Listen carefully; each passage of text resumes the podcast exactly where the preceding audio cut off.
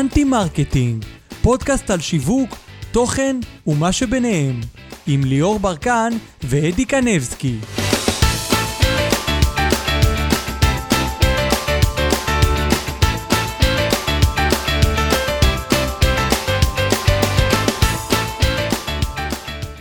ברוכים הבאים לאנטי מרקטינג, היום אנחנו מקליטים את הפרק הרביעי והאחרון של הטיפים הטובים ביותר שקיבלנו מהאורחים שלנו עד היום, ואנחנו ניסינו לדחוס כמה שיותר טיפים, כי זה הפרק האחרון ונשארו מלא פרקים, אז יאללה בואו נתחיל. תכינו את עצמכם נפשית, זה הולך להיות טוב.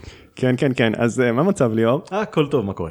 מעולה מעולה, אני חושב שהכי טוב שישר אה, נעבור לששו, למה? כי אם אה, לא נתחיל אנחנו נסיים את זה עוד ארבע שעות. אם לא. נתחיל, לא נסיים. כן, אז בפרק ה-35 אירחנו את איציק ששו, שהוא אחד מכותבי הקומדיה היותר טובים שאני אוהב, הוא כתב המון אה, שנים בבלייזר, הוא יוצר תוכן, אני עוקב אחריו באינסטגרם, בטוויטר, ביוטיוב, איפה שאתה לא רוצה, הבן אדם יודע לכתוב הומור והוא עושה את זה מעולה, והיום הוא עובד אה, בחברה שנקראת Literally Media, שזו חברה בינלאומית ישראלית. שפונה לכמה 20 מיליון אה, כן, כן, יש שם יותר רייטינג מרוב אמצעי התקשורת ש- שאנחנו מכירים בישראל. כן, ביחד, כפול, כפול כמה וכמה. אז uh, ישבנו איתו, היה פרק מאוד מעניין, אני באופן אישי מאוד התרגשתי, כי מבחינתי זה איזשהו יוצר שאני עוקב אחריו המון זמן, והוא מאוד מפורסם בישראל, בטח uh, בתחום הכדורגל, אז אני הרגשתי שאני נוגע באבק כוכבים. הטיפ הראשון ליוצרי תוכן שהוא נתן לנו, זה לכתוב בדיוק כמו שאתם מדברים, וזה יעזור לכם להצחיק אחרים. מה שמצחיק אותך, יגרום לך לכתוב את זה עם יותר תשוקה, וזה יוצא יותר מדויק והרבה יותר טוב. כן, הוא דיבר על זה דרך אגב בצורה שהיא גם על עצמו וגם הוא דיבר על uh, יצירת תוכן שאמור להצחיק אמריקאים והוא אמר שאין באמת טעם להיכנס לכרגע מה מצחיק אמריקאי מה מצחיק ישראלי הוא אמר קודם כל מה מצחיק אותך יש דברים שמצחיקים אותנו בצורה שהיא מאוד יסודית ואני אומר אם זה מצחיק אותי יש גם סיכוי ענק שזה יצחיק גם מישהו אחר. אז, אז החיבור לעצמנו בתוך יצירה בכלל בתוך כתיבה למשל אם אתה כותב משהו כותב משהו מרגש אז תכתוב משהו בצורה שמרגשת אותך זה ירגש גם אנשים אחרים בטוח יש עוד מישהו שזה זה ייגע לו באיזושהי נקודה של רגש. עכשיו זה טיפ שחזר על עצמו פעם נוספת אבל בזווית אחרת מדניאל סלגניק שהוא אנחנו גם עובדים איתו והוא גם וגם חבר כותב תוכן. וגם כותב קורע תוכן מצחוק. כן של הוא אחד התסריטאים של קופה ראשית אז הוא אמר קודם כל תראו מה מצחיק אתכם אל תנסו כאילו להעתיק מאחרים ותנסו לעשות uh, משהו דומה. אז לטיפ השני של ששו שאלנו אותו איך משפרים כתיבה הומוריסטית הוא אמר לנו שהדבר הכי חשוב זה למצוא את הקול שלך. הוא הביא לנו דוגמה שבבלייזר למשל הגיעו כותבים שכתבו כמו שהם חושבים שצריך לכתוב בבלייזר כלומר הם קראו את בלייזר לפני כן ואז הם אמרו אנחנו נשלח משהו לבלייזר כדי שיאהבו אותנו אז בוא נכתוב כמו שאחרים כבר כותבים. מה שהם אמרו להם זה עזבו אתכם ממה שהתרגלתם לקרוא. פשוט תכתבו את עצמכם, תנסו להפסיק עם קלישאות ולא לכתוב בצורה סכמטית כמו שראיתם אצל אחרים. עכשיו דרך אגב זה בעיה שהיא ענקית אצל אנשים בכלל שיוצרים תוכן במיוחד אצל אנשים שמאוד לא מנוסים בכתיבה של תוכן הם ניגשים לכתוב תוכן ופתאום נהיים כמו מה שנדמה להם שאחרים אמורים. זה ברגע שמדליקים להם מיקרופון הם נהיים נורא שלום וברוכים הבאים. לא צריך להיות נורא פורמלי. לא צריך לכתוב כל טקסט כמו מכתב פורמלי אה, רשמי שאתה כותב לרשויות האלף בית ג' תכתבו כמו שאתם כותבים תדברו כמו שאתם מדברים. יש משהו מאוד אנושי בלעשות את הרגיל שלכם. תחשבו חברים שלכם אתם מדברים איתם רגיל והם צוחקים מהבדיחות שלכם והכל בסדר אל תתחילו לעשות הם מכירים את זה שהמקרר שלכם לא אם אתם לא ככה מצחיקים אל תנסו ככה להצחיק תהיו מי שאתם דברו בשפה שלכם ותעשו את הדברים בצורה שהיא הרגילה שלכם דברים יעבדו יותר טוב. זה גם אה, לא רק מתאים לכתיבה הומוריסטית בעיניי, זה גם מתאים לכל כתיבה, גם לכתיבה שיווקית, גם לכתיבה עיתונאית. כשאתה רוצה למכור משהו ללקוח שלך, פשוט דבר איתו בגובה העיניים. גם אם הלקוח שלך לצורך העניין הוא פרופסור, אז דבר איתו בגובה העיניים שלו, ולפעמים פרופסורים הם רוצים, אתה יודע, לדבר בצורה שהיא הכי שכונה, תלוי במוצר כמובן. מצד שני, לאו דווקא אתה, אם אתה תבוא אליהם באיזושהי דרך אחרת או בשיח אחר, אתה תגרום להם לקנות ממך יותר, או לאהוב אותך יותר, או להתחבר יותר לטקסטים שלך. כאילו אפשר לקחת את הטיפ הזה שלו מהכתיבה ההומוריסטית ולהשליך אותו על כמעט כל כתיבה אפשרית. נכון רק שלפעמים דרך אגב גם האקדמאים אה, והאקדמאים בכירים חוטאים באותה באותו חטא של אני אקדמאי ובגלל זה אני צריך להישמע נורא אקדמאי. אני מדבר נגיד, אני פרופסור אז אני חייב להישמע מאוד דידקטי ומאוד זה. אתה גם יכול להישמע בגובה העיניים. אתה גם, דרך אגב, מה שמצחיק זה שהרבה מאוד מהאנשים האלה, שכשהם מתראיינים נשמעים נורא רשמיים ונורא, כשהם באים לקרוא תוכן, הם נורא אוהבים לקרוא תוכן רגיל. שנכתב אליהם בגובה העיניים, שהוא לא מדבר בשפה מאוד גבוהה ופליצית ומלאה mm-hmm. במונחים לטינים ואפשר לדבר עברית נורמלית ואנשים יעופו על זה, גם האנשים הנורא חכמים ונורא מורכבים וגם האנשים הנורא פשוטים. יהיה קל יותר להתחבר אליכם. כן, קחו לדוגמה את uh, פרופסור יוסי יסור, שהוא פרופסור לקבלת החלטות, שהיה מרצה שלי בתואר השני ברופין. ווואלה בן אדם לא רק מדבר על בגובה העיניים אם אתה תגיד לו משהו שלא בא לו בטוב הוא יצעק עליך אבל הוא יצעק עליך בצורה כאילו מצחיקה. א' הוא משלב המון הומור בתוך הטקסטים שלו. כמו כמו שאתה בחבר'ה הוא יסתלבט עליך כמו שמישהו היה מסתלבט עליך אם היית עושה אומר איזה משהו מטופש. כן אז זהו שאנשים שידעו שהוא מרצה שלי באו אליי בתואר ואמרו לי בואנה איזה כיף לך שיוסי הוא המרצה שלך לקבלת תוכניות אמרתי לו. אתם יודעים איזה שיעור קשה זה? אתם יודעים כמה נוסחאות יש? אתם יודעים איזה מבחן קשה זה? אבל זה מאוד כיף להיות בשיעורים שלו. זאת אומרת, זה לא הופך את המקצוענות שלו לפחות טובה בגלל שהוא מדבר איתך בגובה העיניים. זה לא מוריד אפילו מיליגרם מהפרופסורה שלו. זה מה שאני רוצה להגיד בעצם. וזה מראה גם על אכפתיות. כי באיזושהי רמה כשאתה מדבר לבן אדם בגובה העיניים זה מראה שאכפת לך ממנו. לא איך אני נתפס בעיני התלמידים שלי, אלא עד כמה הם מבינים אותי, עד כמה כיף להם לשבת בשיעור. אז חלק גדול מאכפתיות זה לדבר בגובה העיניים זה לא רק אותנטיות זה גם אכפתיות. כן אז uh, נעבור לפרק ה-36 ששם ראיינו את ירדן סקסופון אחת הנשים היותר מוצלחות בעולם בתחום המוזיקה היא נגנית שפשוט התפוצצה. אין דרך אחרת לקרוא לזה ביוטיוב וברשתות החברתיות לכל מיני קליפים קטנים כאלה שהיא העלתה בזמן הקורונה היא והסקספון שלה מנגנת או שעושה רימיקים או שמנגנת שירים אה, שלה מאות אלפי צפיות, מיליוני צפיות, באים אליה מ-AC מילאן שהיא קבוצת אה, כדורגל אה, באיטליה שזכתה באליפות ואומרים לה יש לנו חגיגות של 100 אלף איש בואי את תנגני. עכשיו כאילו אפילו היא לא קלטה כמה זה גדול ברגע מעמד ורק כשהגיעה לשם היא קלטה כאילו מי הקבוצה על כמה אנשים מדובר כמה אנשים נחשפים להופעה שלה בלייב. זהו, היא מאוד מוכרת בעולם, והיא הצליחה והתפוצצה כמובן בזכות היצירה שלה, אבל מבחינה... והשימוש ש... במדיה החברתית. בדיוק, אבל מבחינה שיווקית, מה שאני בא להגיד, שהיא הצליחה מאוד מבחינת תוכן. אז שאלנו אותה איך אפשר להתמיד ביצירת תוכן, גם כשאין לו הרבה עוקבים, זאת אומרת כשמתחילים. אז היא אמרה, התהליך הקשה הוא להכריח את עצמך לשבת ולעשות את התוכן. הקטע הוא שכל עוד זה משולב עם הפשן שלך ועם הרצון שלך להראות לעוקבים שלך את מה שאתה עושה, אז זה לא קשה מדי, כי אתה אוהב את זה. היא אמרה לנו, אני מקנאת בעצמי של לפני כמה שנים, כי לא הייתה לי כמות גדולה של עוקבים, ויכלתי להעלות כל מה שאני רוצה. לא היה לי מה להפסיד, מקסימום לא צפו בי. היום על כל סרטון שאני מעלה, יכולות להיות אלפי תלונות. שזה משהו מגניב, אתה אומר לעצמך, וואלה, צופים בתוכן שלי חמישה אנשים, מאזינים לנו שניים וחצי, אמ, למה שנמשיך לעלות? אבל היא באה כאילו בגישה אחרת, כי כאילו בעתיד של ההצלחה, כלומר נגיד עוד 3, 4, 5 שנים של מה שאתה מצפה להצליח, היא התפוצצה והיא אומרת לא עכשיו תחשוב על זה לי הרבה יותר קשה כי על כל תוכן שאני מעלה אני חושבת עליו מיליון פעם לך אין מה להפסיד וברגע שאתה כאילו מגלה שזה mindset שאפשר להשתמש בו אז אתה אומר לעצמך טוב אז אה, בוא נעשה פרק אחד שאנחנו צועקים בו אחד על השני שאנחנו מרביצים אחד לא יודע משהו ש... הפרקים האלה דרך אגב יהיו זמינים להאזנה. כן כן בפרק 52 אז זה טיפ שאני באופן אישי מאוד אהבתי. אוקיי עכשיו אנחנו צריכים להקליט פרק 52 אה, ספייקים אבל בסדר כן להתחיל להרביץ אחד לשני. אה, היו לה עוד המון טיפים להצלחה עבור אמנים שחלק מהם גם אפשר ליישם גם אם אתה לא אמן ובתחומים אחרים. היא אמרה תשחררו את האומנות שלכם אל תנסו לשפר את המוזיקה שלכם מיליון פעם הכנתם משהו תפרסמו אותו בלי לפחד. זה אף פעם לא יהיה מושלם אבל אם לא תוציאו אז לא יהיה בכלל.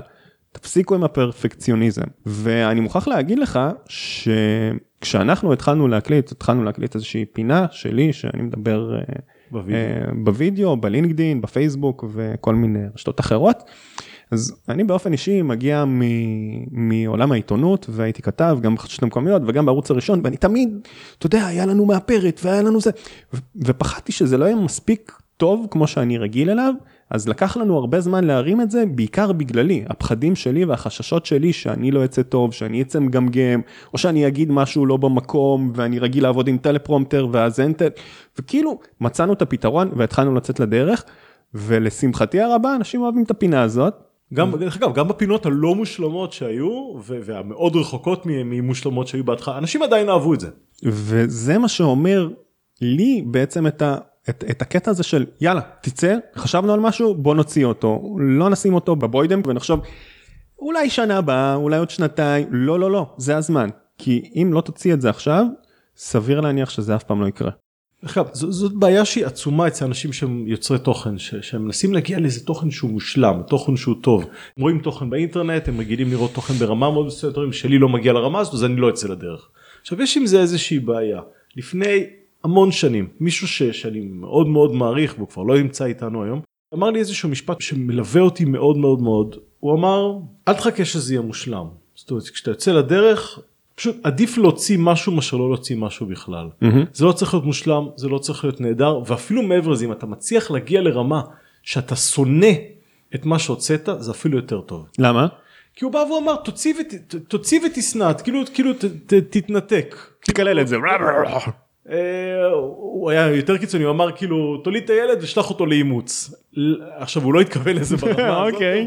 אלא הוא התכוון ברמה שאם אתה כל כך מתאהב בתוכן שלך א' אתה לא מסוגל ללמוד ממנו וב' אתה אף פעם לא מוכן לשחרר אותו וג' אתה אתה אתה גם נורא נעלב מכל ביקורת.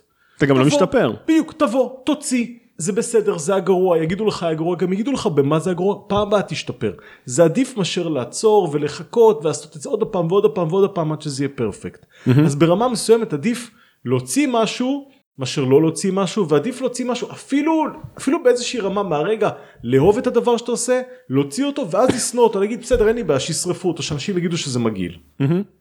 אמ, טוב אז בוא נעבור לטיפ השני שלה. היא אמרה תבין מה אתה אוהב ותהיה אותנטי לזה. מדובר בעבודה סיזיפית כך שאם אתה לא נמצא בתחום שבו הלב שלך נמצא אז חבל על הזמן שלך. אני אעשה איזושהי חשיפה קטנה אם מותר לי. אה, בתכנים אותם התכנים שאני עושה לוידאו אמרת לי תשמע יש מלא טקסטים שאני כתבתי או טקסטים שאחרים תיקח משם וזה. ואני אמרתי לך לא אני לא כל כך מתחבר לזה אני צריך למצוא את מה שאני אוהב. ולוקח לי הרבה יותר זמן למצוא את זה, אבל אני הרבה יותר מתחבר לזה והרבה יותר כיפי. מפני שאנחנו צריכים לייצר תוכן של איקס תכנים בשבוע ואנחנו מייצרים את התכנים האלה באופן סיסטמטי כל הזמן בלי קשר ל... דדליין שאנחנו צריכים לעמוד מולו מול לקוח בלי קשר לכל מה שקורה במשפחה בבית בריאות לא, לא משנה מה אנחנו מייצרים לפי הדדליינים שהצבנו לעצמנו ואם לא הייתי מכין את התוכן שאני אוהב אני בלי שום ספק לא הייתי מצליח לעמוד אה, בדדליינים האלה. נכון. אמ, יש כאן עוד אה, טיפ אחד אחרון שאנחנו די נרוץ עליו ונמשיך לאורח הבא שלנו, כי הוא די self-explainable, היא אמרה ככה, אם בהתחלה התוכן לא מצליח, כדאי במקביל לעשות דברים נוספים כדי לא להתבאס יותר מדי מחוסר ההצלחה של התוכן. אם הייתי נתפסת רק על ההצלחה של התוכן, שלא כל כך עבד בהתחלה, יכול להיות שהייתי נכנסת לדיכאון.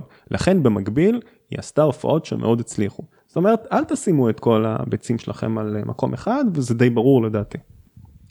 תשמע גם אין שום בעיה להעלות דברים בכל מיני פורמטים במהלך הדרך ולבדוק אם זה עובד. כמובן שאי אפשר לבדוק אם משהו עובד על ידי ניסוי חד פעמי רק שלאורך זמן אתה צריך לבדוק מה עובד לך מה תופס מה לא תופס. יש אנשים שיאהבו א' יש אנשים שיאהבו ב' לפעמים אנשים מנסים משהו כי הוא טרנדי אבל הוא לא באמת מתלבש עליהם זה מתחבר לעצה של האותנטיות מקודם. אם אתם לא אוהבים לעשות וידאו אל תעשו וידאו בכוח. mm-hmm. אם אתם יותר טובים בלכתוב ויותר קל לכם תכתבו, תכתבו המון, זה בסדר שרק תכתבו. אני יודע שאני הורס כרגע הרבה מאוד עצות של כל מיני גורואים ו- ומומחי שיווק, אתם לא חייבים וידאו, אתם לא חייבים טיק טוק, אתם לא חייבים כלום.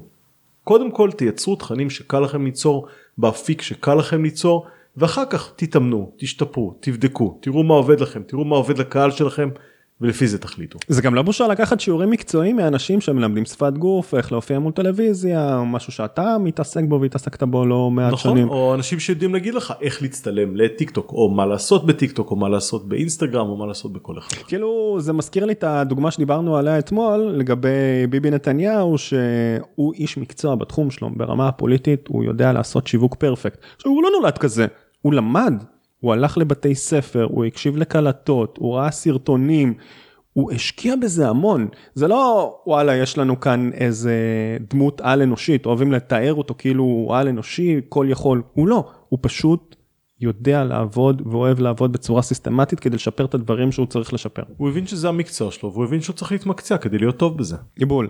בפרק ה-37 אירחנו את קובי מלמד, הוא מגיש שותף של הפודקאסט מה יש בזה, אחד הפודקאסטים הכי מצליחים בישראל, זוכה פרסים בתחום ההומור, שבקצרה יש לו את השותף שלו שם אלעד, וקובי מגיע לפרק, מספר איזשהו סיפור הזוי מההיסטוריה לחלוטין, אבל אמיתי.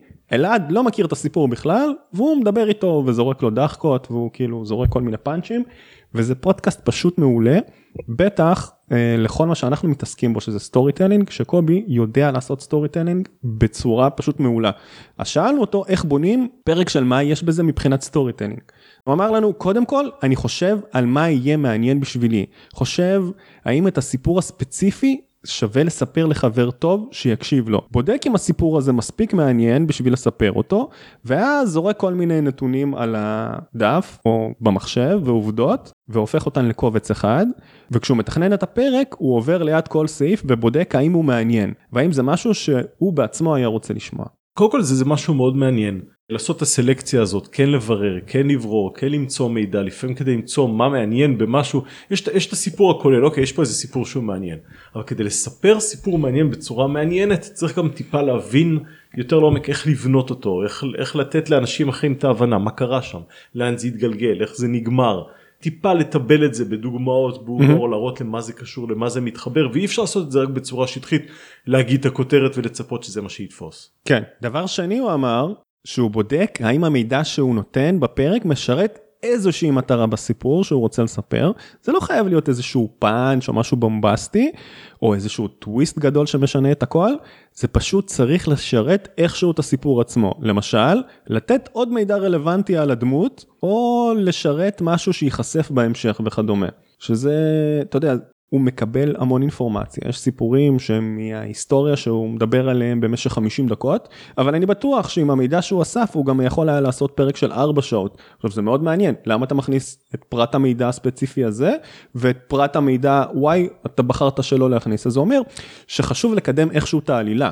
כלומר בין אם זה לתאר את הדמות באיזושהי צורה שאתה מבין שאוקיי בגיל 12 הוא כבר הפך להיות גרידי ואז זה נותן לך איזשהו איזושהי הרגשה לקראת מה אתה הולך. זה משהו שדרך אגב גם מאוד חשוב להבין בנוגע לשיווק, הנגטיב שזה מאוד חשוב להבנה בתוך עולם השיווק. שלפעמים כשמשרבבים מידע שהוא לא חשוב או שהוא לא באמת קריטי, הוא יכול לעורר שאלות שרק מסבכות, שרק משיחות, שרק לוקחות אותך למקום שהוא אחר. אם אתה נגיד אה, בונה איזושהי, נגיד איזשהו אה, מערך אה, שיווקי, ואז אתה כותב שם אין לכם מה לדאוג, באותו הרגע הלקוח מתחיל לדאוג. אתה כותב לו אם יש משהו שמאוד חשוב לנו זה לשים דגש על האמינות, ואז הלקוח שואל אותו רגע רגע רגע. למה, מה, מה, מה אמור לרמוז לי כאן שלא תהיה אמינות. בעצם לפעמים כשאומרים משהו צריך לשים לב למה. מה זה מעלה, איזה אסוציאציות, האם זה באמת דורך לבן אדם איזושהי נקודת כאב, האם זה מעלה איזה שהן שאלות שהן לא רלוונטיות, שהן לא יכולות לעשות. זה בנקודה של מה להשאיר בחוץ. בדיוק. אתה צריך להחליט מה להשאיר בחוץ, ומה ששמים בפנים צריך בהכרח להיות משהו שמקדם, משהו שמתחבר, משהו שיתחבר בהמשך, משהו שמכין אותך להמשך, משהו שנותן לך רקע.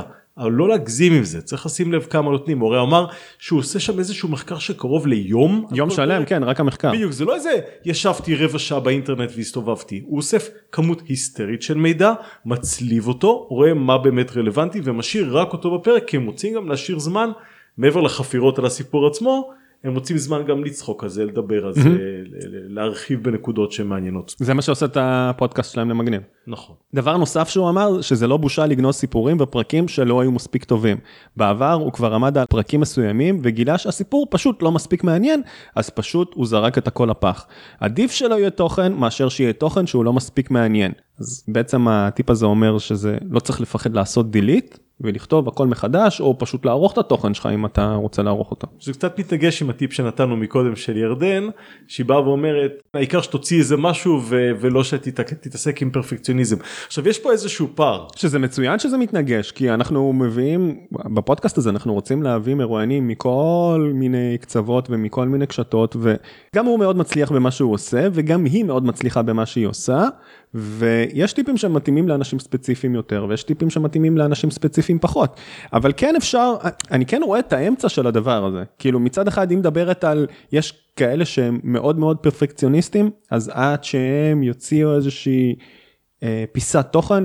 כי היא מדברת על המוצר המוגמר הוא מדבר על עריכה זה שני דברים שונים. כן כן הוא מדבר על וואלה זה לא מספיק טוב זה לא מעניין זה לא מצחיק אותי זה לא יצחיק את החבר שלי אז למה שאני אעשה פרק. הטיפ שלנו בנקודה הזאת כדי למצוא איזושהי נקודה של איזון באמצע זה קודם כל הרי יש את השלב שבו יוצרים משהו ואז אחרי שמסיימים ליצור אותו מתחילים לערוך אותו כי עדיף ליצור משהו בפלואו לתת את הדבר להישפך החוצה ואז אחר כך לערוך ולסדר אותו כי אחרת זה קוטע את הפלואו. אז אוקיי אנחנו נכנסים לעריכה ואם בעריכה אתם רואים שאתם נחנקים על זה ואתם רואים שלא משנה איך אתם מסובבים את זה זה לא מצליח לעניין אתכם ואתם כבר מתים להיפטר מזה לפעמים עדיף להגיד אוקיי בוא ניצור תוכן אחר במקום.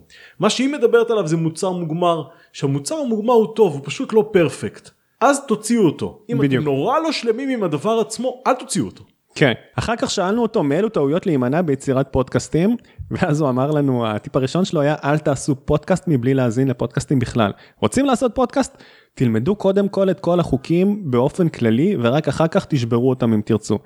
הוא אמר לנו שיש פודקאסטים שהוא בעצמו מפיק של אנשים שלא האזינו אף פודקאסט אחר בחיים שלהם. אז הוא פשוט היה עוצר אותם ושואל אותם תגידו האזנתם לפודקאסט בכלל בחיים שלכם? היו אומרים לו לא.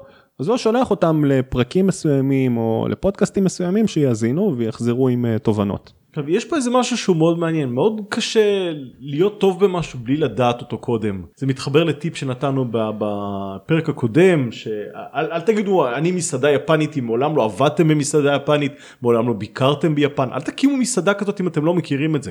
בדיוק אותו דבר פה. mm-hmm. אי אפשר להיות טוב גנבת לי את הדוגמה דרך אגב כן, לא ספציפית המסעדה היפנית אבל דוגמה של האוכל. כן אז תחשבו על זה רגע. אם אתם מעולם לא עבדתם בפאב אל תקימו פאב לפחות בלי מחקר. תחקרו איך הדבר הזה עובד, תראו איך הדבר הזה, תקשיבו, תהיו לקוחות. אתם לא יכולים ליצור פודקאסט טוב אם אתם מעולם לא שמעתם פודקאסט ואתם לא אוהבים פודקאסטים. אם אתם לא אוהבים, אתם לא מאמינים בזה. אם אתם לא מאמינים בזה, למה אתם עושים את זה? אתם עושים כי אמרו לכם שצריך לעשות פודקאסט? קודם כל תתחילו מלשמוע, אז אתם לא חייבים לאהוב כל פודקאסט, תמצאו פודקאסט שאתם אוהבים. דרך אגב, החשיפה להרבה סגנונות של אותו דבר, נותנת לכם אפשרות לפתח טעם ואז להגיד או oh, אני לא אהבתי את הסגנון ההוא אבל אני כן אוהב את הסגנון הזה ואז ללכת ולהקליט פודקאסט שלכם בטייפ שהוא נוח לכם. ובדיוק כמו פודקאסט זה יכול להיות גם וידאו זה יכול להיות גם טקסטים זה יכול להיות אירועים זה יכול להיות כל דבר שעובר לכם בראש. Mm-hmm. טיפ שני שהוא נתן לנו זה לא לקחת את עצמכם יותר מדי ברצינות. אנשים חייבים להלל את עצמם מיליון פעם, הוא אמר לנו, כדי שמאזינים יבינו שהם טובים בתחום שלהם. חבר'ה, זה פודקאסט. כל המטרה של הדבר הזה זה להפוך נגיש לאחרים. תעשו תחקיר מאוד רציני ותהיו פרופסורים בתחום שלכם. קחו את המרואיין שלכם ברצינות, אבל תגישו את זה עם מילימטר של קלילות, אחרת זה פשוט לא יעבוד. מחכים זה אחלה, במקביל זה יכול להיות גם קליל. זה משהו שאנחנו מנסים להעביר בפודקאסט שלנו לאורך הדרך, מההתחלה ועד הסוף, של לדבר עם המאזינים שלנו בגובה העיניים עד כמה שאפשר, ועד כמה שאפשר להפוך את זה לכמו שיחת סלון כזאת על uh, תחום השיווק והתוכן. וכמה שפחות לשרבב את עצמנו פנימה.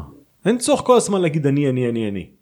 כן, זה דבר אחד וזה דבר שני. אלא אם כן, אם כן, דרך אגב, זה פודקאסט של הדעות שלכם, ואז זה בסדר להגיד אני אני, אבל תזכרו שגם אחרי אני אני אני, יש את הקהל ששומע, ואותו מעניין הוא הוא הוא. זאת אומרת, הוא רוצה לשמוע איך זה עוזר לו, אז גם אתם מספרים עליכם, שזה תמיד ישרת את המטרות של השומע, ולא רק את המטרות שלכם.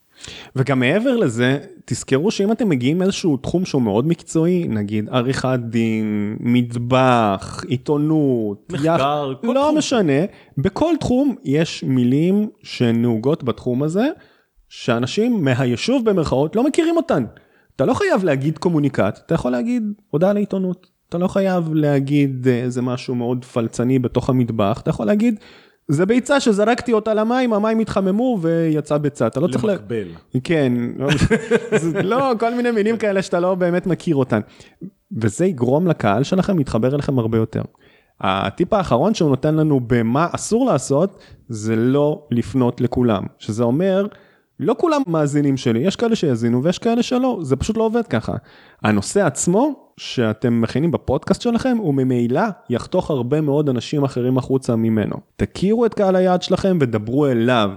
מצד שני, אל תתחנפו לקהל יעד שלכם. זה משהו שהוא מאוד חשוב להבין בכל תוכן שהוא. תוכן עובד הכי טוב כשיש משהו שנקרא השעיית ספק. מה זאת אומרת השעיית ספק? תחשבו שבן אדם מגיע מבחוץ, הוא חי את החיים שלו, הוא חי את המחשבות שלו, הוא צריך לקרוא משהו. הוא שומע בדיחה, סתם לצורך העניין, שני סוסים נכנסים לבר, מתחילים לדבר, מזמינים זה. עכשיו, אם הוא חושב בהיגיון הרגיל שלו, הוא לא מסוגל להכיל את הבדיחה הזאת, כי סוסים לא אמורים להיכנס לבר, אף אחד לא אמור להגיש להם שתייה ו... אבל כשאנחנו שומעים בדיחה, פתאום המוח שלנו נכנס למצב בדיחה, ואנחנו אומרים, אוקיי, ההיגיון הרגיל לא חייב לעבוד פה. בדיוק אותו דבר כמו בסרט, שאנחנו נכנסים ואנחנו אומרים, אוקיי, זה מדע בדיוני, יש איזה חוקים אחרים, וכל עוד הסרט מקפיד על החוקים של עצמו, זה הגיוני וזה נחמד. בדיוק אותו דבר פה. כשאתם יוצרים תוכן ואתם רוצים לסחוף את הקהל שלכם תגרמו לשומע שלכם להיסחף כמה שיותר מהר לתוך הסיפור לתוך מה שאתם עושים. אל תגרמו לו כל הזמן לבחון ולהגיד מה דעתי על זה? מה אני חושב? זה נכון? זה לא נכון? כי אם הוא מסתכל על זה מבחוץ הוא לא מתחבר לזה רגשית זה לא סוחף אותו זה לא מחבר אותו זה לא כיף לו. תשתדלו בכל דרך שאתם יכולים לגרום לו להיסחף פנימה לשמוע ליהנות מזה לחשוב על הסיפור, לחשוב על מה שאתם מדברים, לא להגיד לו אוקיי, זה היה סיפור מאוד מעניין, האם גם לדעתכם זה סיפור? לא, פשוט ספרו את הסיפור, תנו לאנשים כן. לבד ליהנות ממנו. בפרק ה-39 אירחנו את אלון גריני. אלון הוא יוטיובר טכנולוגי שיש לו בערך 100 אלף עוקבים ביוטיוב ומיליוני צפיות לכל סרטון שהוא מעלה. כן, ואני באופן אישי עוקב אחריו כשאני צריך להחליף טלפון או מחשב וזה, ואני הולך ורואה את ההמלצות שלו ואומר וואלה סבבה, מתאים לי. קניתי את הטלפון האחרון שלי בזכות המלצה שלו ואני מאוד מבסוט. הוא דווקא כשאמרתי לו את זה בשיחה לפני הפרק אז הוא אומר מה אנשים בדרך כלל צועקים עליי כשאני ממליץ על משהו אז אומרים לי לא לא לא לא מה בטריה פה לא מחזיקה מספיק זמן אז אני דווקא באתי והחמאתי לו. שאלנו אותו מה, מה יוטיוברים יכולים ללמוד ממך וליישם אצלם. אז הוא אמר לנו, יוטיוב דורש סיבולת מאוד גבוהה. אתה לא יכול לבוא ליוטיוב ולראות תוצאות בתוך חודש-חודשיים, זה פשוט לא עובד ככה. יוטיוב זה לונגרן, אל תוותרו, וכשהכי קשה, תתאמצו עוד יותר. תתעסקו בעיקר, שזה לנסות לשפר את התוכן, ופחות להסתכל על כמה לייקים יש וכמה שיתופים יש.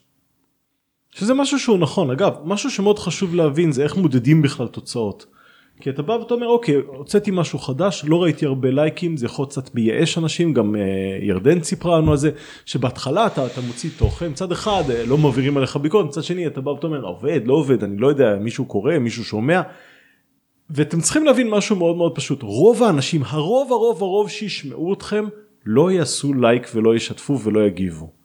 אתם תופתעו כמה אנשים לאורך זמן יבואו ויגידו לכם אה אני שומע את התכנים שלך אני קורא את התכנים שלך אני צופה בך וואו תקשיב מה שאתה עושה זה נהדר מה שאת עושה זה אליפות. מעט מאוד אנשים יספרו לכם את זה בזמן אמת לפעמים יכול טיפה לרפות ידיים תזכרו שיש כאלה הרוב כזה ישמע יצפה יקרא ולא יגיב לכם אבל כשתפגשו אותו לפעמים תקבלו פתאום איזושהי אמת שאתם לא מוכנים אליה שבאמת מעניין מה שאתם עושים. צריך לקחת את הזמן, צריך להתעלם בהתחלה מכמויות הלייקים, זה יגיע בהמשך, הכל בסדר, וגם לא יהיה המון לייקים, מה אתם מעדיפים, לייקים או לקוחות? אני מעדיף לקוחות בכל יום uh, נתון. כן. אמ, טיפ שני שהוא נתן לנו זה שחייבים להבין שהכל יכול להשתנות וזה לא מובן מאליו ההצלחה שלכם היום. אם הערוץ שלך מבוסס על משהו אחד ספציפי והוא מפסיק להיות טרנדי אז מחר הוא כבר לא יהיה קיים הוא נתן לנו את הדוגמה של פור, פורטנייט בתחום הגיימינג שאנשים בנו ערוצים עם עשרות אלפי צופים ביום ולפתע הפורטנייט הפסיק להיות טרנדי ואז כל הערוץ שלהם לא שווה כלום בעצם. אז הוא אמר לנו, תבנו על אה, כמה רגליים את ההצלחה שלכם, שלא יהיה רק דבר אחד שיכול להשתנות בשתי שניות. נכון, כי אם אתה, אם אתה, דרך אגב, הטיפ הוא מאוד מאוד נכון והוא מאוד מאוד מעניין, כי יש לפעמים דברים שהם נדמים בתור דברים שהם סופר בטוחים, שהם סופר נכונים, שסופר, אתם צריכים להבין ששום דבר הוא לא בטוח ושום דבר הוא לא חד משמעי. שום דבר הוא לא לנצח אפילו אם אתם יודעים מה אם אתם בונים uh, את כל העסק שלכם על פייסבוק יכול להיות שפייסבוק תחדל להתקיים באיזושהי נקודה אתם צריכים להיות מוכנים גם ליום הזה mm-hmm. ובדיוק באותה מידה שאתם לא יכולים לסמוך רק על אמצעי מדיה אחד שבו אתם מפרסמים את כל התכנים שלכם אתם גם לא יכולים לבנות סוג תוכן אחד שבהכרח יהיה נכון. כן, כי אם מחר הוא כבר לא רלוונטי, אז הוא לא רלוונטי. אם מחר עצות אה, על אה, שיווק הן לא רלוונטיות, אז צריך לעשות משהו אחר. נכון. אם אתם נגיד בונים את כל הערוץ יוטיוב שלכם על רכילות על אדם מאוד ספציפי אתם יכולים להיות רק האדם מאוד ספציפי. מחר יקרה משהו שהבאדם הזה יפסיק להיות מקובל או חס וחלילה יסתבך באיזשהו משהו פלילי או רע ופתאום איבדתם את כל הערוץ שלכם. פתאום כל התכנים מהעבר שלכם הם רעים ומשוקצים ואתם לא יכולים לעשות את זה על משהו ספציפי מדי. הטיפ השלישי שהוא אמר לנו זה להיות גמישים. בשנה שעברה בזכות הטיק טוק יוטיוב החלה לקדם את נושא השורטים למרות שבהתחלה יוטיוב קידמה סרטונים ארוכים. הרגשתי בשנה שעברה ירידה חדה בצפיות אלון אמר לנו כי אנשים רואים טיק טוק אז התחלתי לעשות שורטים מבלי לוותר על תוכן ארוך. שזה דרך אגב משהו שהוא מאוד מעניין היחס בין תוכן ארוך ותוכן קצר תוכן ארוך דרך אגב הוא לא בהכרח יגרום לתכנים שלכם להיתפס בצורה מאוד מהירה כי תוכן קצר הוא, הוא מאוד סקסי הוא מאוד מהיר אתה יכול לצרוך אותו ולבוא התוכן המהיר הבא. הקטע המעניין ביחס בין התוכן הקצר לתוכן הארוך שהתוכן הקצר אולי לא יקדם אתכם במעלה ההיררכיה של יוטיוב במעלה נקרא לזה הקידום האורגני שם בפנים ומצד שני אנשים שיראו אתכם בתכנים הקצרים כמה פעמים. הסיכוי שהם יירשמו לערוץ הגדול שלכם, התכנים הארוכים יותר גדל. זאת אומרת, לא אחד במקום אחד. התכנים הקצרים זה כמו פרסומות, זה מביא אנשים כדי לראות את התכנים הארוכים, אפשר לעשות גם וגם. זה לא חייב לבוא זה על חשבון זה. וזה שיש לך נגיד 20 אלף צפיות ל short, לאו דווקא אומר שמה-200 צפיות שהולך לסרטון ארוך, שזה כאילו פחות טוב כי אם מה-200 צפיות של הסרטון הארוך הפכת עוד 20 מתוכם ללקוחות שלך אז זה הרבה יותר טוב מה-5000 האלה שפשוט ראו התלהבו שיתפו עשו לייק whatever ולא עשו עם זה שום דבר מעבר לזה. צריכה שם איזושהי חשיבה של מה המשמעות בתוך השיווק שלך או בתוך האסטרטגיית המדיה החברתית שלך מה המשמעות של הקצרים מה המשמעות של הארוכים איך זה קשור לזה איך זה מוביל לזה. דרך אגב התכנים הקצרים לא חייבים להיות פרסומת לתוכן הארוך זה יכול להיות גם דברים שהם נפרדים רק שככל שאנשים מתרגלים לשמוע את הדעות שלכם מתרגלים לשמוע את אתכם ואת מי שאתם ומה שאתם ואיך שאתם מתבטאים הם יאהבו אתכם ואת ה vibe שלכם כל כך שהם ירצו לשמוע מה עוד יש לכם להגיד. מצד שני צריך להבין שכשהתוכן הוא תוכן קצר ונגיד במקום עכשיו פודקאסט של 45 דקות שבו אנחנו מדברים ויכולים לעשות אה, להרשות לעצמנו לעשות טעויות ולא קצת מדויקים לא בתכנים הקצרים מאוד אי אפשר לעשות את זה כשאתה עושה תוכן של 15 שניות אתה צריך להיות כל כך טייט כל כך מהודק ומדויק במסר ובתוכן. אתה צריך להיות על נקודה. אתה חייב לכתוב את זה ולפעמים זה פי 100 יותר קשה לכתוב תוכן של 15 שניות מאשר תוכן של 40 דקות. סמכו עליי אנחנו כותבים תוכן לא מאתמול וזה הרבה יותר קשה בעיניי לפחות. חד משמעי. אחר כך עברנו איתו על אה, טעויות בערוץ יוטיוב שכדאי להימנע מהן.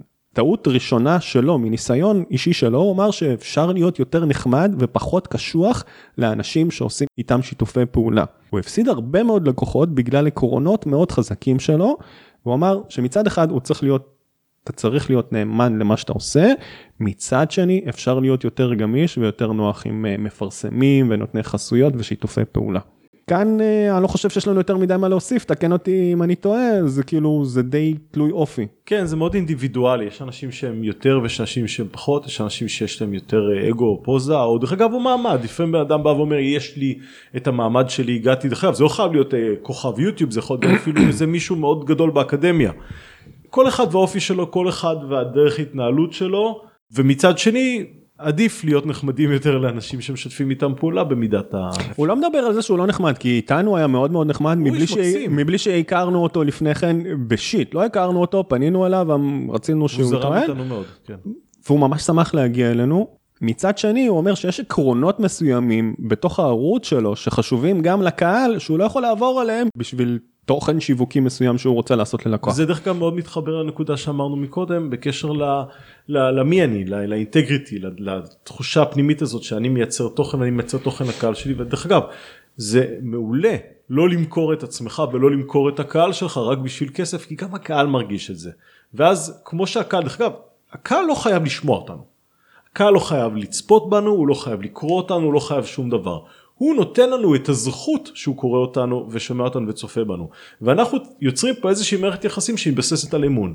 אנחנו עושים משהו מסוים והם באים וקוראים וצורכים. הם מתרגלים לקרוא לשמוע לצפות כי הם אוהבים משהו מסוים ב vibe מאוד מסוים. אם אנחנו כרגע משנים את זה רק כי רצינו להרוויח עוד שקל וחצי ומכרנו אותו הם מרגישים את זה ולפעמים קהלים יכולים להיות גם מאוד נקמנים בדיוק בנקודה הזאת. למרות שהתוכן על פניו הוא חינמי ואני לא חייב להם שום דבר כי אני עושה את זה ואני משקיע והם לא משלמים על זה. מצד שני אתה בונה להם איזשהו סיפור מסוים בראש אתה אומר להם אני הולך לתת לכם עכשיו תוכן בחינם ואז יש לא מעט יוצרים שמה שהם אומרים אה תשאיר לי פה מייל ותשאיר לי פה את הטלפון ותשאיר לי פה זיבי ותשאיר לי פה אמו ודי חלאס כאילו אנשים כבר שונאים את הדברים האלה כי הם מבינים שהיום אה, במקום קאש במקום כסף אתה משאיר את הפרטים שלך ואז אתה יודע שישלחו לך כל מיני חומרים פרסומיים. לא תיתן את התוכן שלך בחינם למה שלא יגיע לכמה שיותר אנשים וגם אם לקחו מכם כבר את המספר גם לקחתם מהלקוחות שלכם אה, מיילים זה, זה עדיין לא תירוץ לשלוח עליהם את כל הספאם בעולם. תכבדו אותם תכבדו אותם על זה שהם נתנו לכם או נתנו בכם אמון. טעות שנייה שהוא אמר שלא כדאי לעשות ביוטיוב ועדיף להימנע ממנה הוא אמר ככה לפעמים אני עובד על סרטון הרבה זמן וקצת מתחיל להימאס לי ממנו אז אני עושה דברים יותר מהר כדי לסיים אותו ולהיפטר כאילו מהמשימה.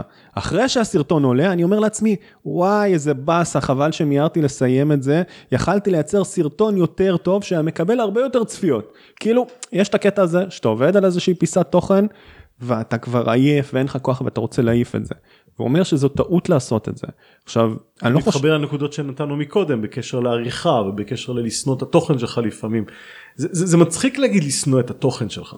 כי אתה לא, אתה לא שונא את התוכן שלך, אבל אתה צריך להיות מספיק מוכן לשחרר אותו. זה כמו, זה כמו ילד, ילד לא יכול לנצח לגור בבית שלך, הוא צריך גם שאתה תהיה מסוגל אתה לשחרר אותו ולא לחנוק אותו עם אהבה ולתת לו לצמוח ולתת לו לגדול ולתת לו גם ליהנות מהעצמאות שלו, גם תוכן בדיוק אותו דבר. זה בסדר לטעות, זה בסדר להשתפר בהמשך. לא, אבל מה שהוא בא ואומר שאתה רוצה לשחרר אותו ורוצה להעלות אותו, אבל מצד שני אתה בא ואומר לעצמך, וואלה הייתי יכול טיפה לשפר והייתי מקבל עוד 5,000 צפיות.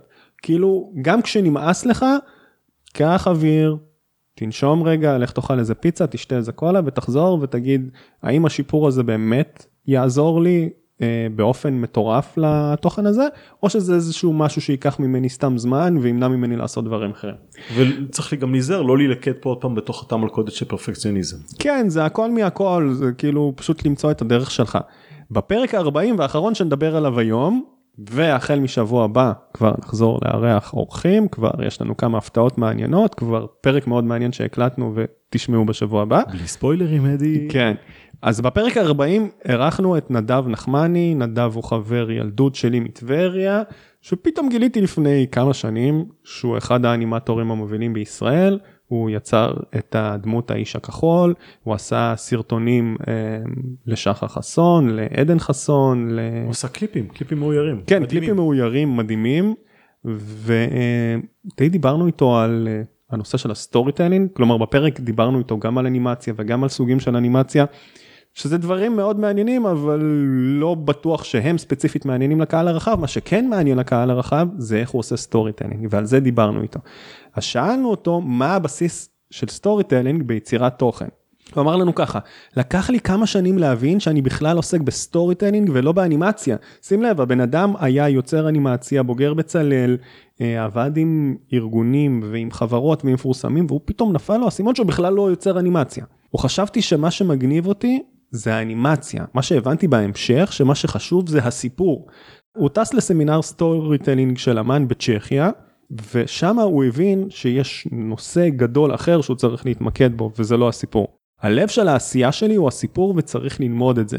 כדאי להבין את החשיבות של הדבר הזה, והוא נתן לדוגמה את פיקסאר שאומרים story is king. תחשבו על זה רגע, קומיקס, כשאנשים מסתכלים על זה לרגע אומרים אוקיי, מצחיק, לא מצחיק, מעניין, לא מעניין, קוראים את זה ומסיימים. תעצרו רגע, קיבלתם כרגע סיפור שמורכב מכמה פריים בודדים. צריך מאוד לחשוב על סיפור כזה, קודם כל אתה צריך להבין מה הסיפור, מה ההתחלה, מה האמצע, מה הסוף. צריך לחשוב מאיזה זווית אתה מצייר אותו, זה ממש כמו צילום.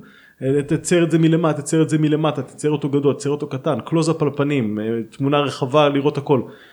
הסיפור פה הוא מסר מאוד מאוד גדול וגם דרך העברה פה היא מסר מאוד מאוד גדול. צריך לדעת איך אתה רוצה לכתוב, מה המטרה שלך, מה הרגש שאתה רוצה להעביר, מה הערך שאתה רוצה ליצור פה, יש פה ערך בידורי, יש פה ערך מצחיק, זה דבר אחד.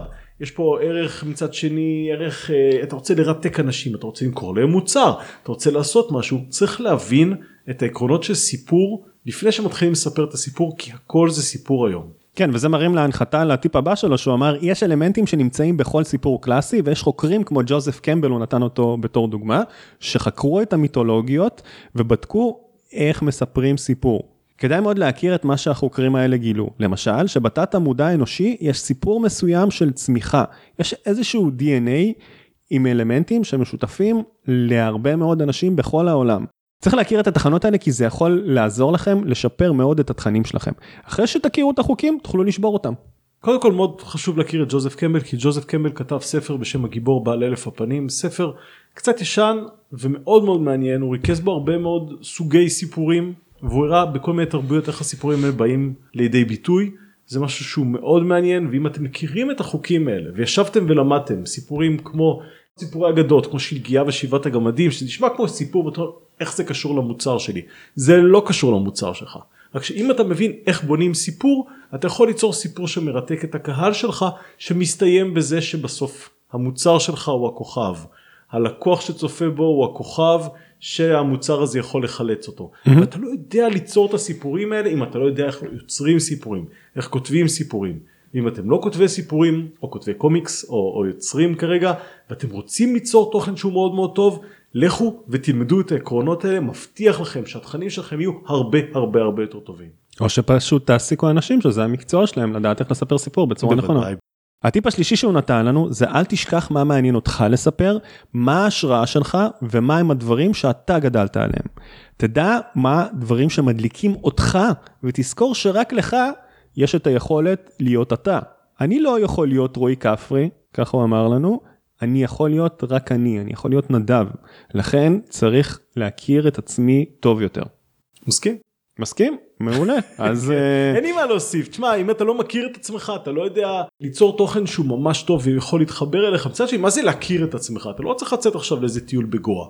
אתה יכול להכיר את עצמך דרך זה שאתה שם לב מה מצחיק אותך. תסתכל, משהו הצחיק אותך. מה מרגש אותך, מה מעניין אותך? אמר לי את זה בזמנו מי שלימד אותי קופי רייטינג. כשאתה רואה משהו שמצחיק אותך תעצור ותבין למה זה הצחיק אותך. כשמשהו מסקרן אותך תבין למה זה סקרן אותך. כשמשהו העציב אותך או שריגש אותך תעצור לרגע תעצרו לרגע תבינו מה מה עבד פה. ברגע שאתם מבינים דברים בצורה הזאת אתם יודעים איך להשתמש בזה גם בעצמכם אחר כך. Mm-hmm. אחר כך דיברנו עם נדב על אילו טעויות הוא מזהה אצל אה, יוצרי תוכן בנושא storytelling. אז הוא אמר לנו ככה, לפעמים מנסים לכפות פורמט שהצליח בעבר על יוצרי תוכן שפחות מתאים להם הפורמט הספציפי הזה, וזה הופך את היצירה לכזו שמנסה להעתיק מאחרים, ולטענתו היא גם נכשלת. היא לא אותנטית ולא מתאימה. בדיוק זאת אומרת אתם לא יכולים לעשות נגיד האח הגדול להגיד אוקיי אני האח הגדול דול אם אתה לא עושה את האח הגדול אם אתה לא יודע איך הדבר הזה עובד לעשות עוד פעם את הדבר הזה זה לא יעבוד לך. אתה צריך לדעת שלכל קונספט יש את הזמן שלו את האווירה שלו את הדבר שבו זה. אין ביטלס 2 מצד שני אף אחד לא מצפה שמישהו יהיה ביטלס 2. צרו משהו שהוא טוב משהו שיותר מתאים למי שאתם למה שאתם משהו שיותר אותנטי לכם. הנטייה הטבעית דרך אגב היא לקחת משהו שמצליח ולרצות לעשות עוד אחד כמוהו. גם מאוד הגיוני שארגונים ירצו אה, אם משהו עבד למתחרים לעשות כזה בעצמם. רק שלרוב ברגע שאחד עשה וזה הצליח כל האחרים יתפסו כמעתיקנים. גם אם זה יהיה טוב זה עדיין יתפס כמו תוכן שהוא מעתיק. אפשר לשנות משהו. אפשר לעשות משהו בצורה שהיא אחרת. צריך להבהיק תוכן בצורה שהיא מספיק גדולה כדי שלהגידו אוקיי זה לא העתקה. יש פה איזה משהו שהוא מעניין יש פה משהו שהוא אחר.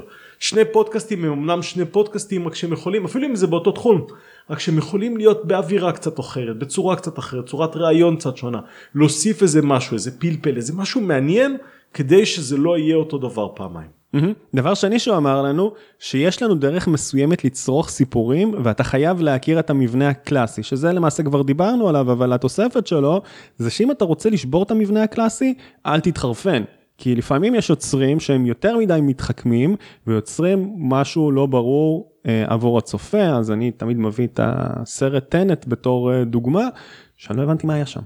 באמת, אני חולה על הבמאי הזה, אני חושב שהוא הבמאי הטוב ביותר שקיים היום, אה, כריסטופר נולן, כל הסרטים שלו, אני פשוט מעריץ ענק של היכולת שלו לספר סיפור, ראיתי את הסרט טנט, בחייאת רבאק לא הבנתי כלום. ראיתי אותו מההתחלה לסוף, מהסוף להתחלה, מהאמצע לסוף, ראיתי אותו אולי איזה חמש פעמים והייתי עוצר, ומסתכל, מה הוא רוצה להעביר? למה הוא מתחכם? מה זה השיט הזה? מה?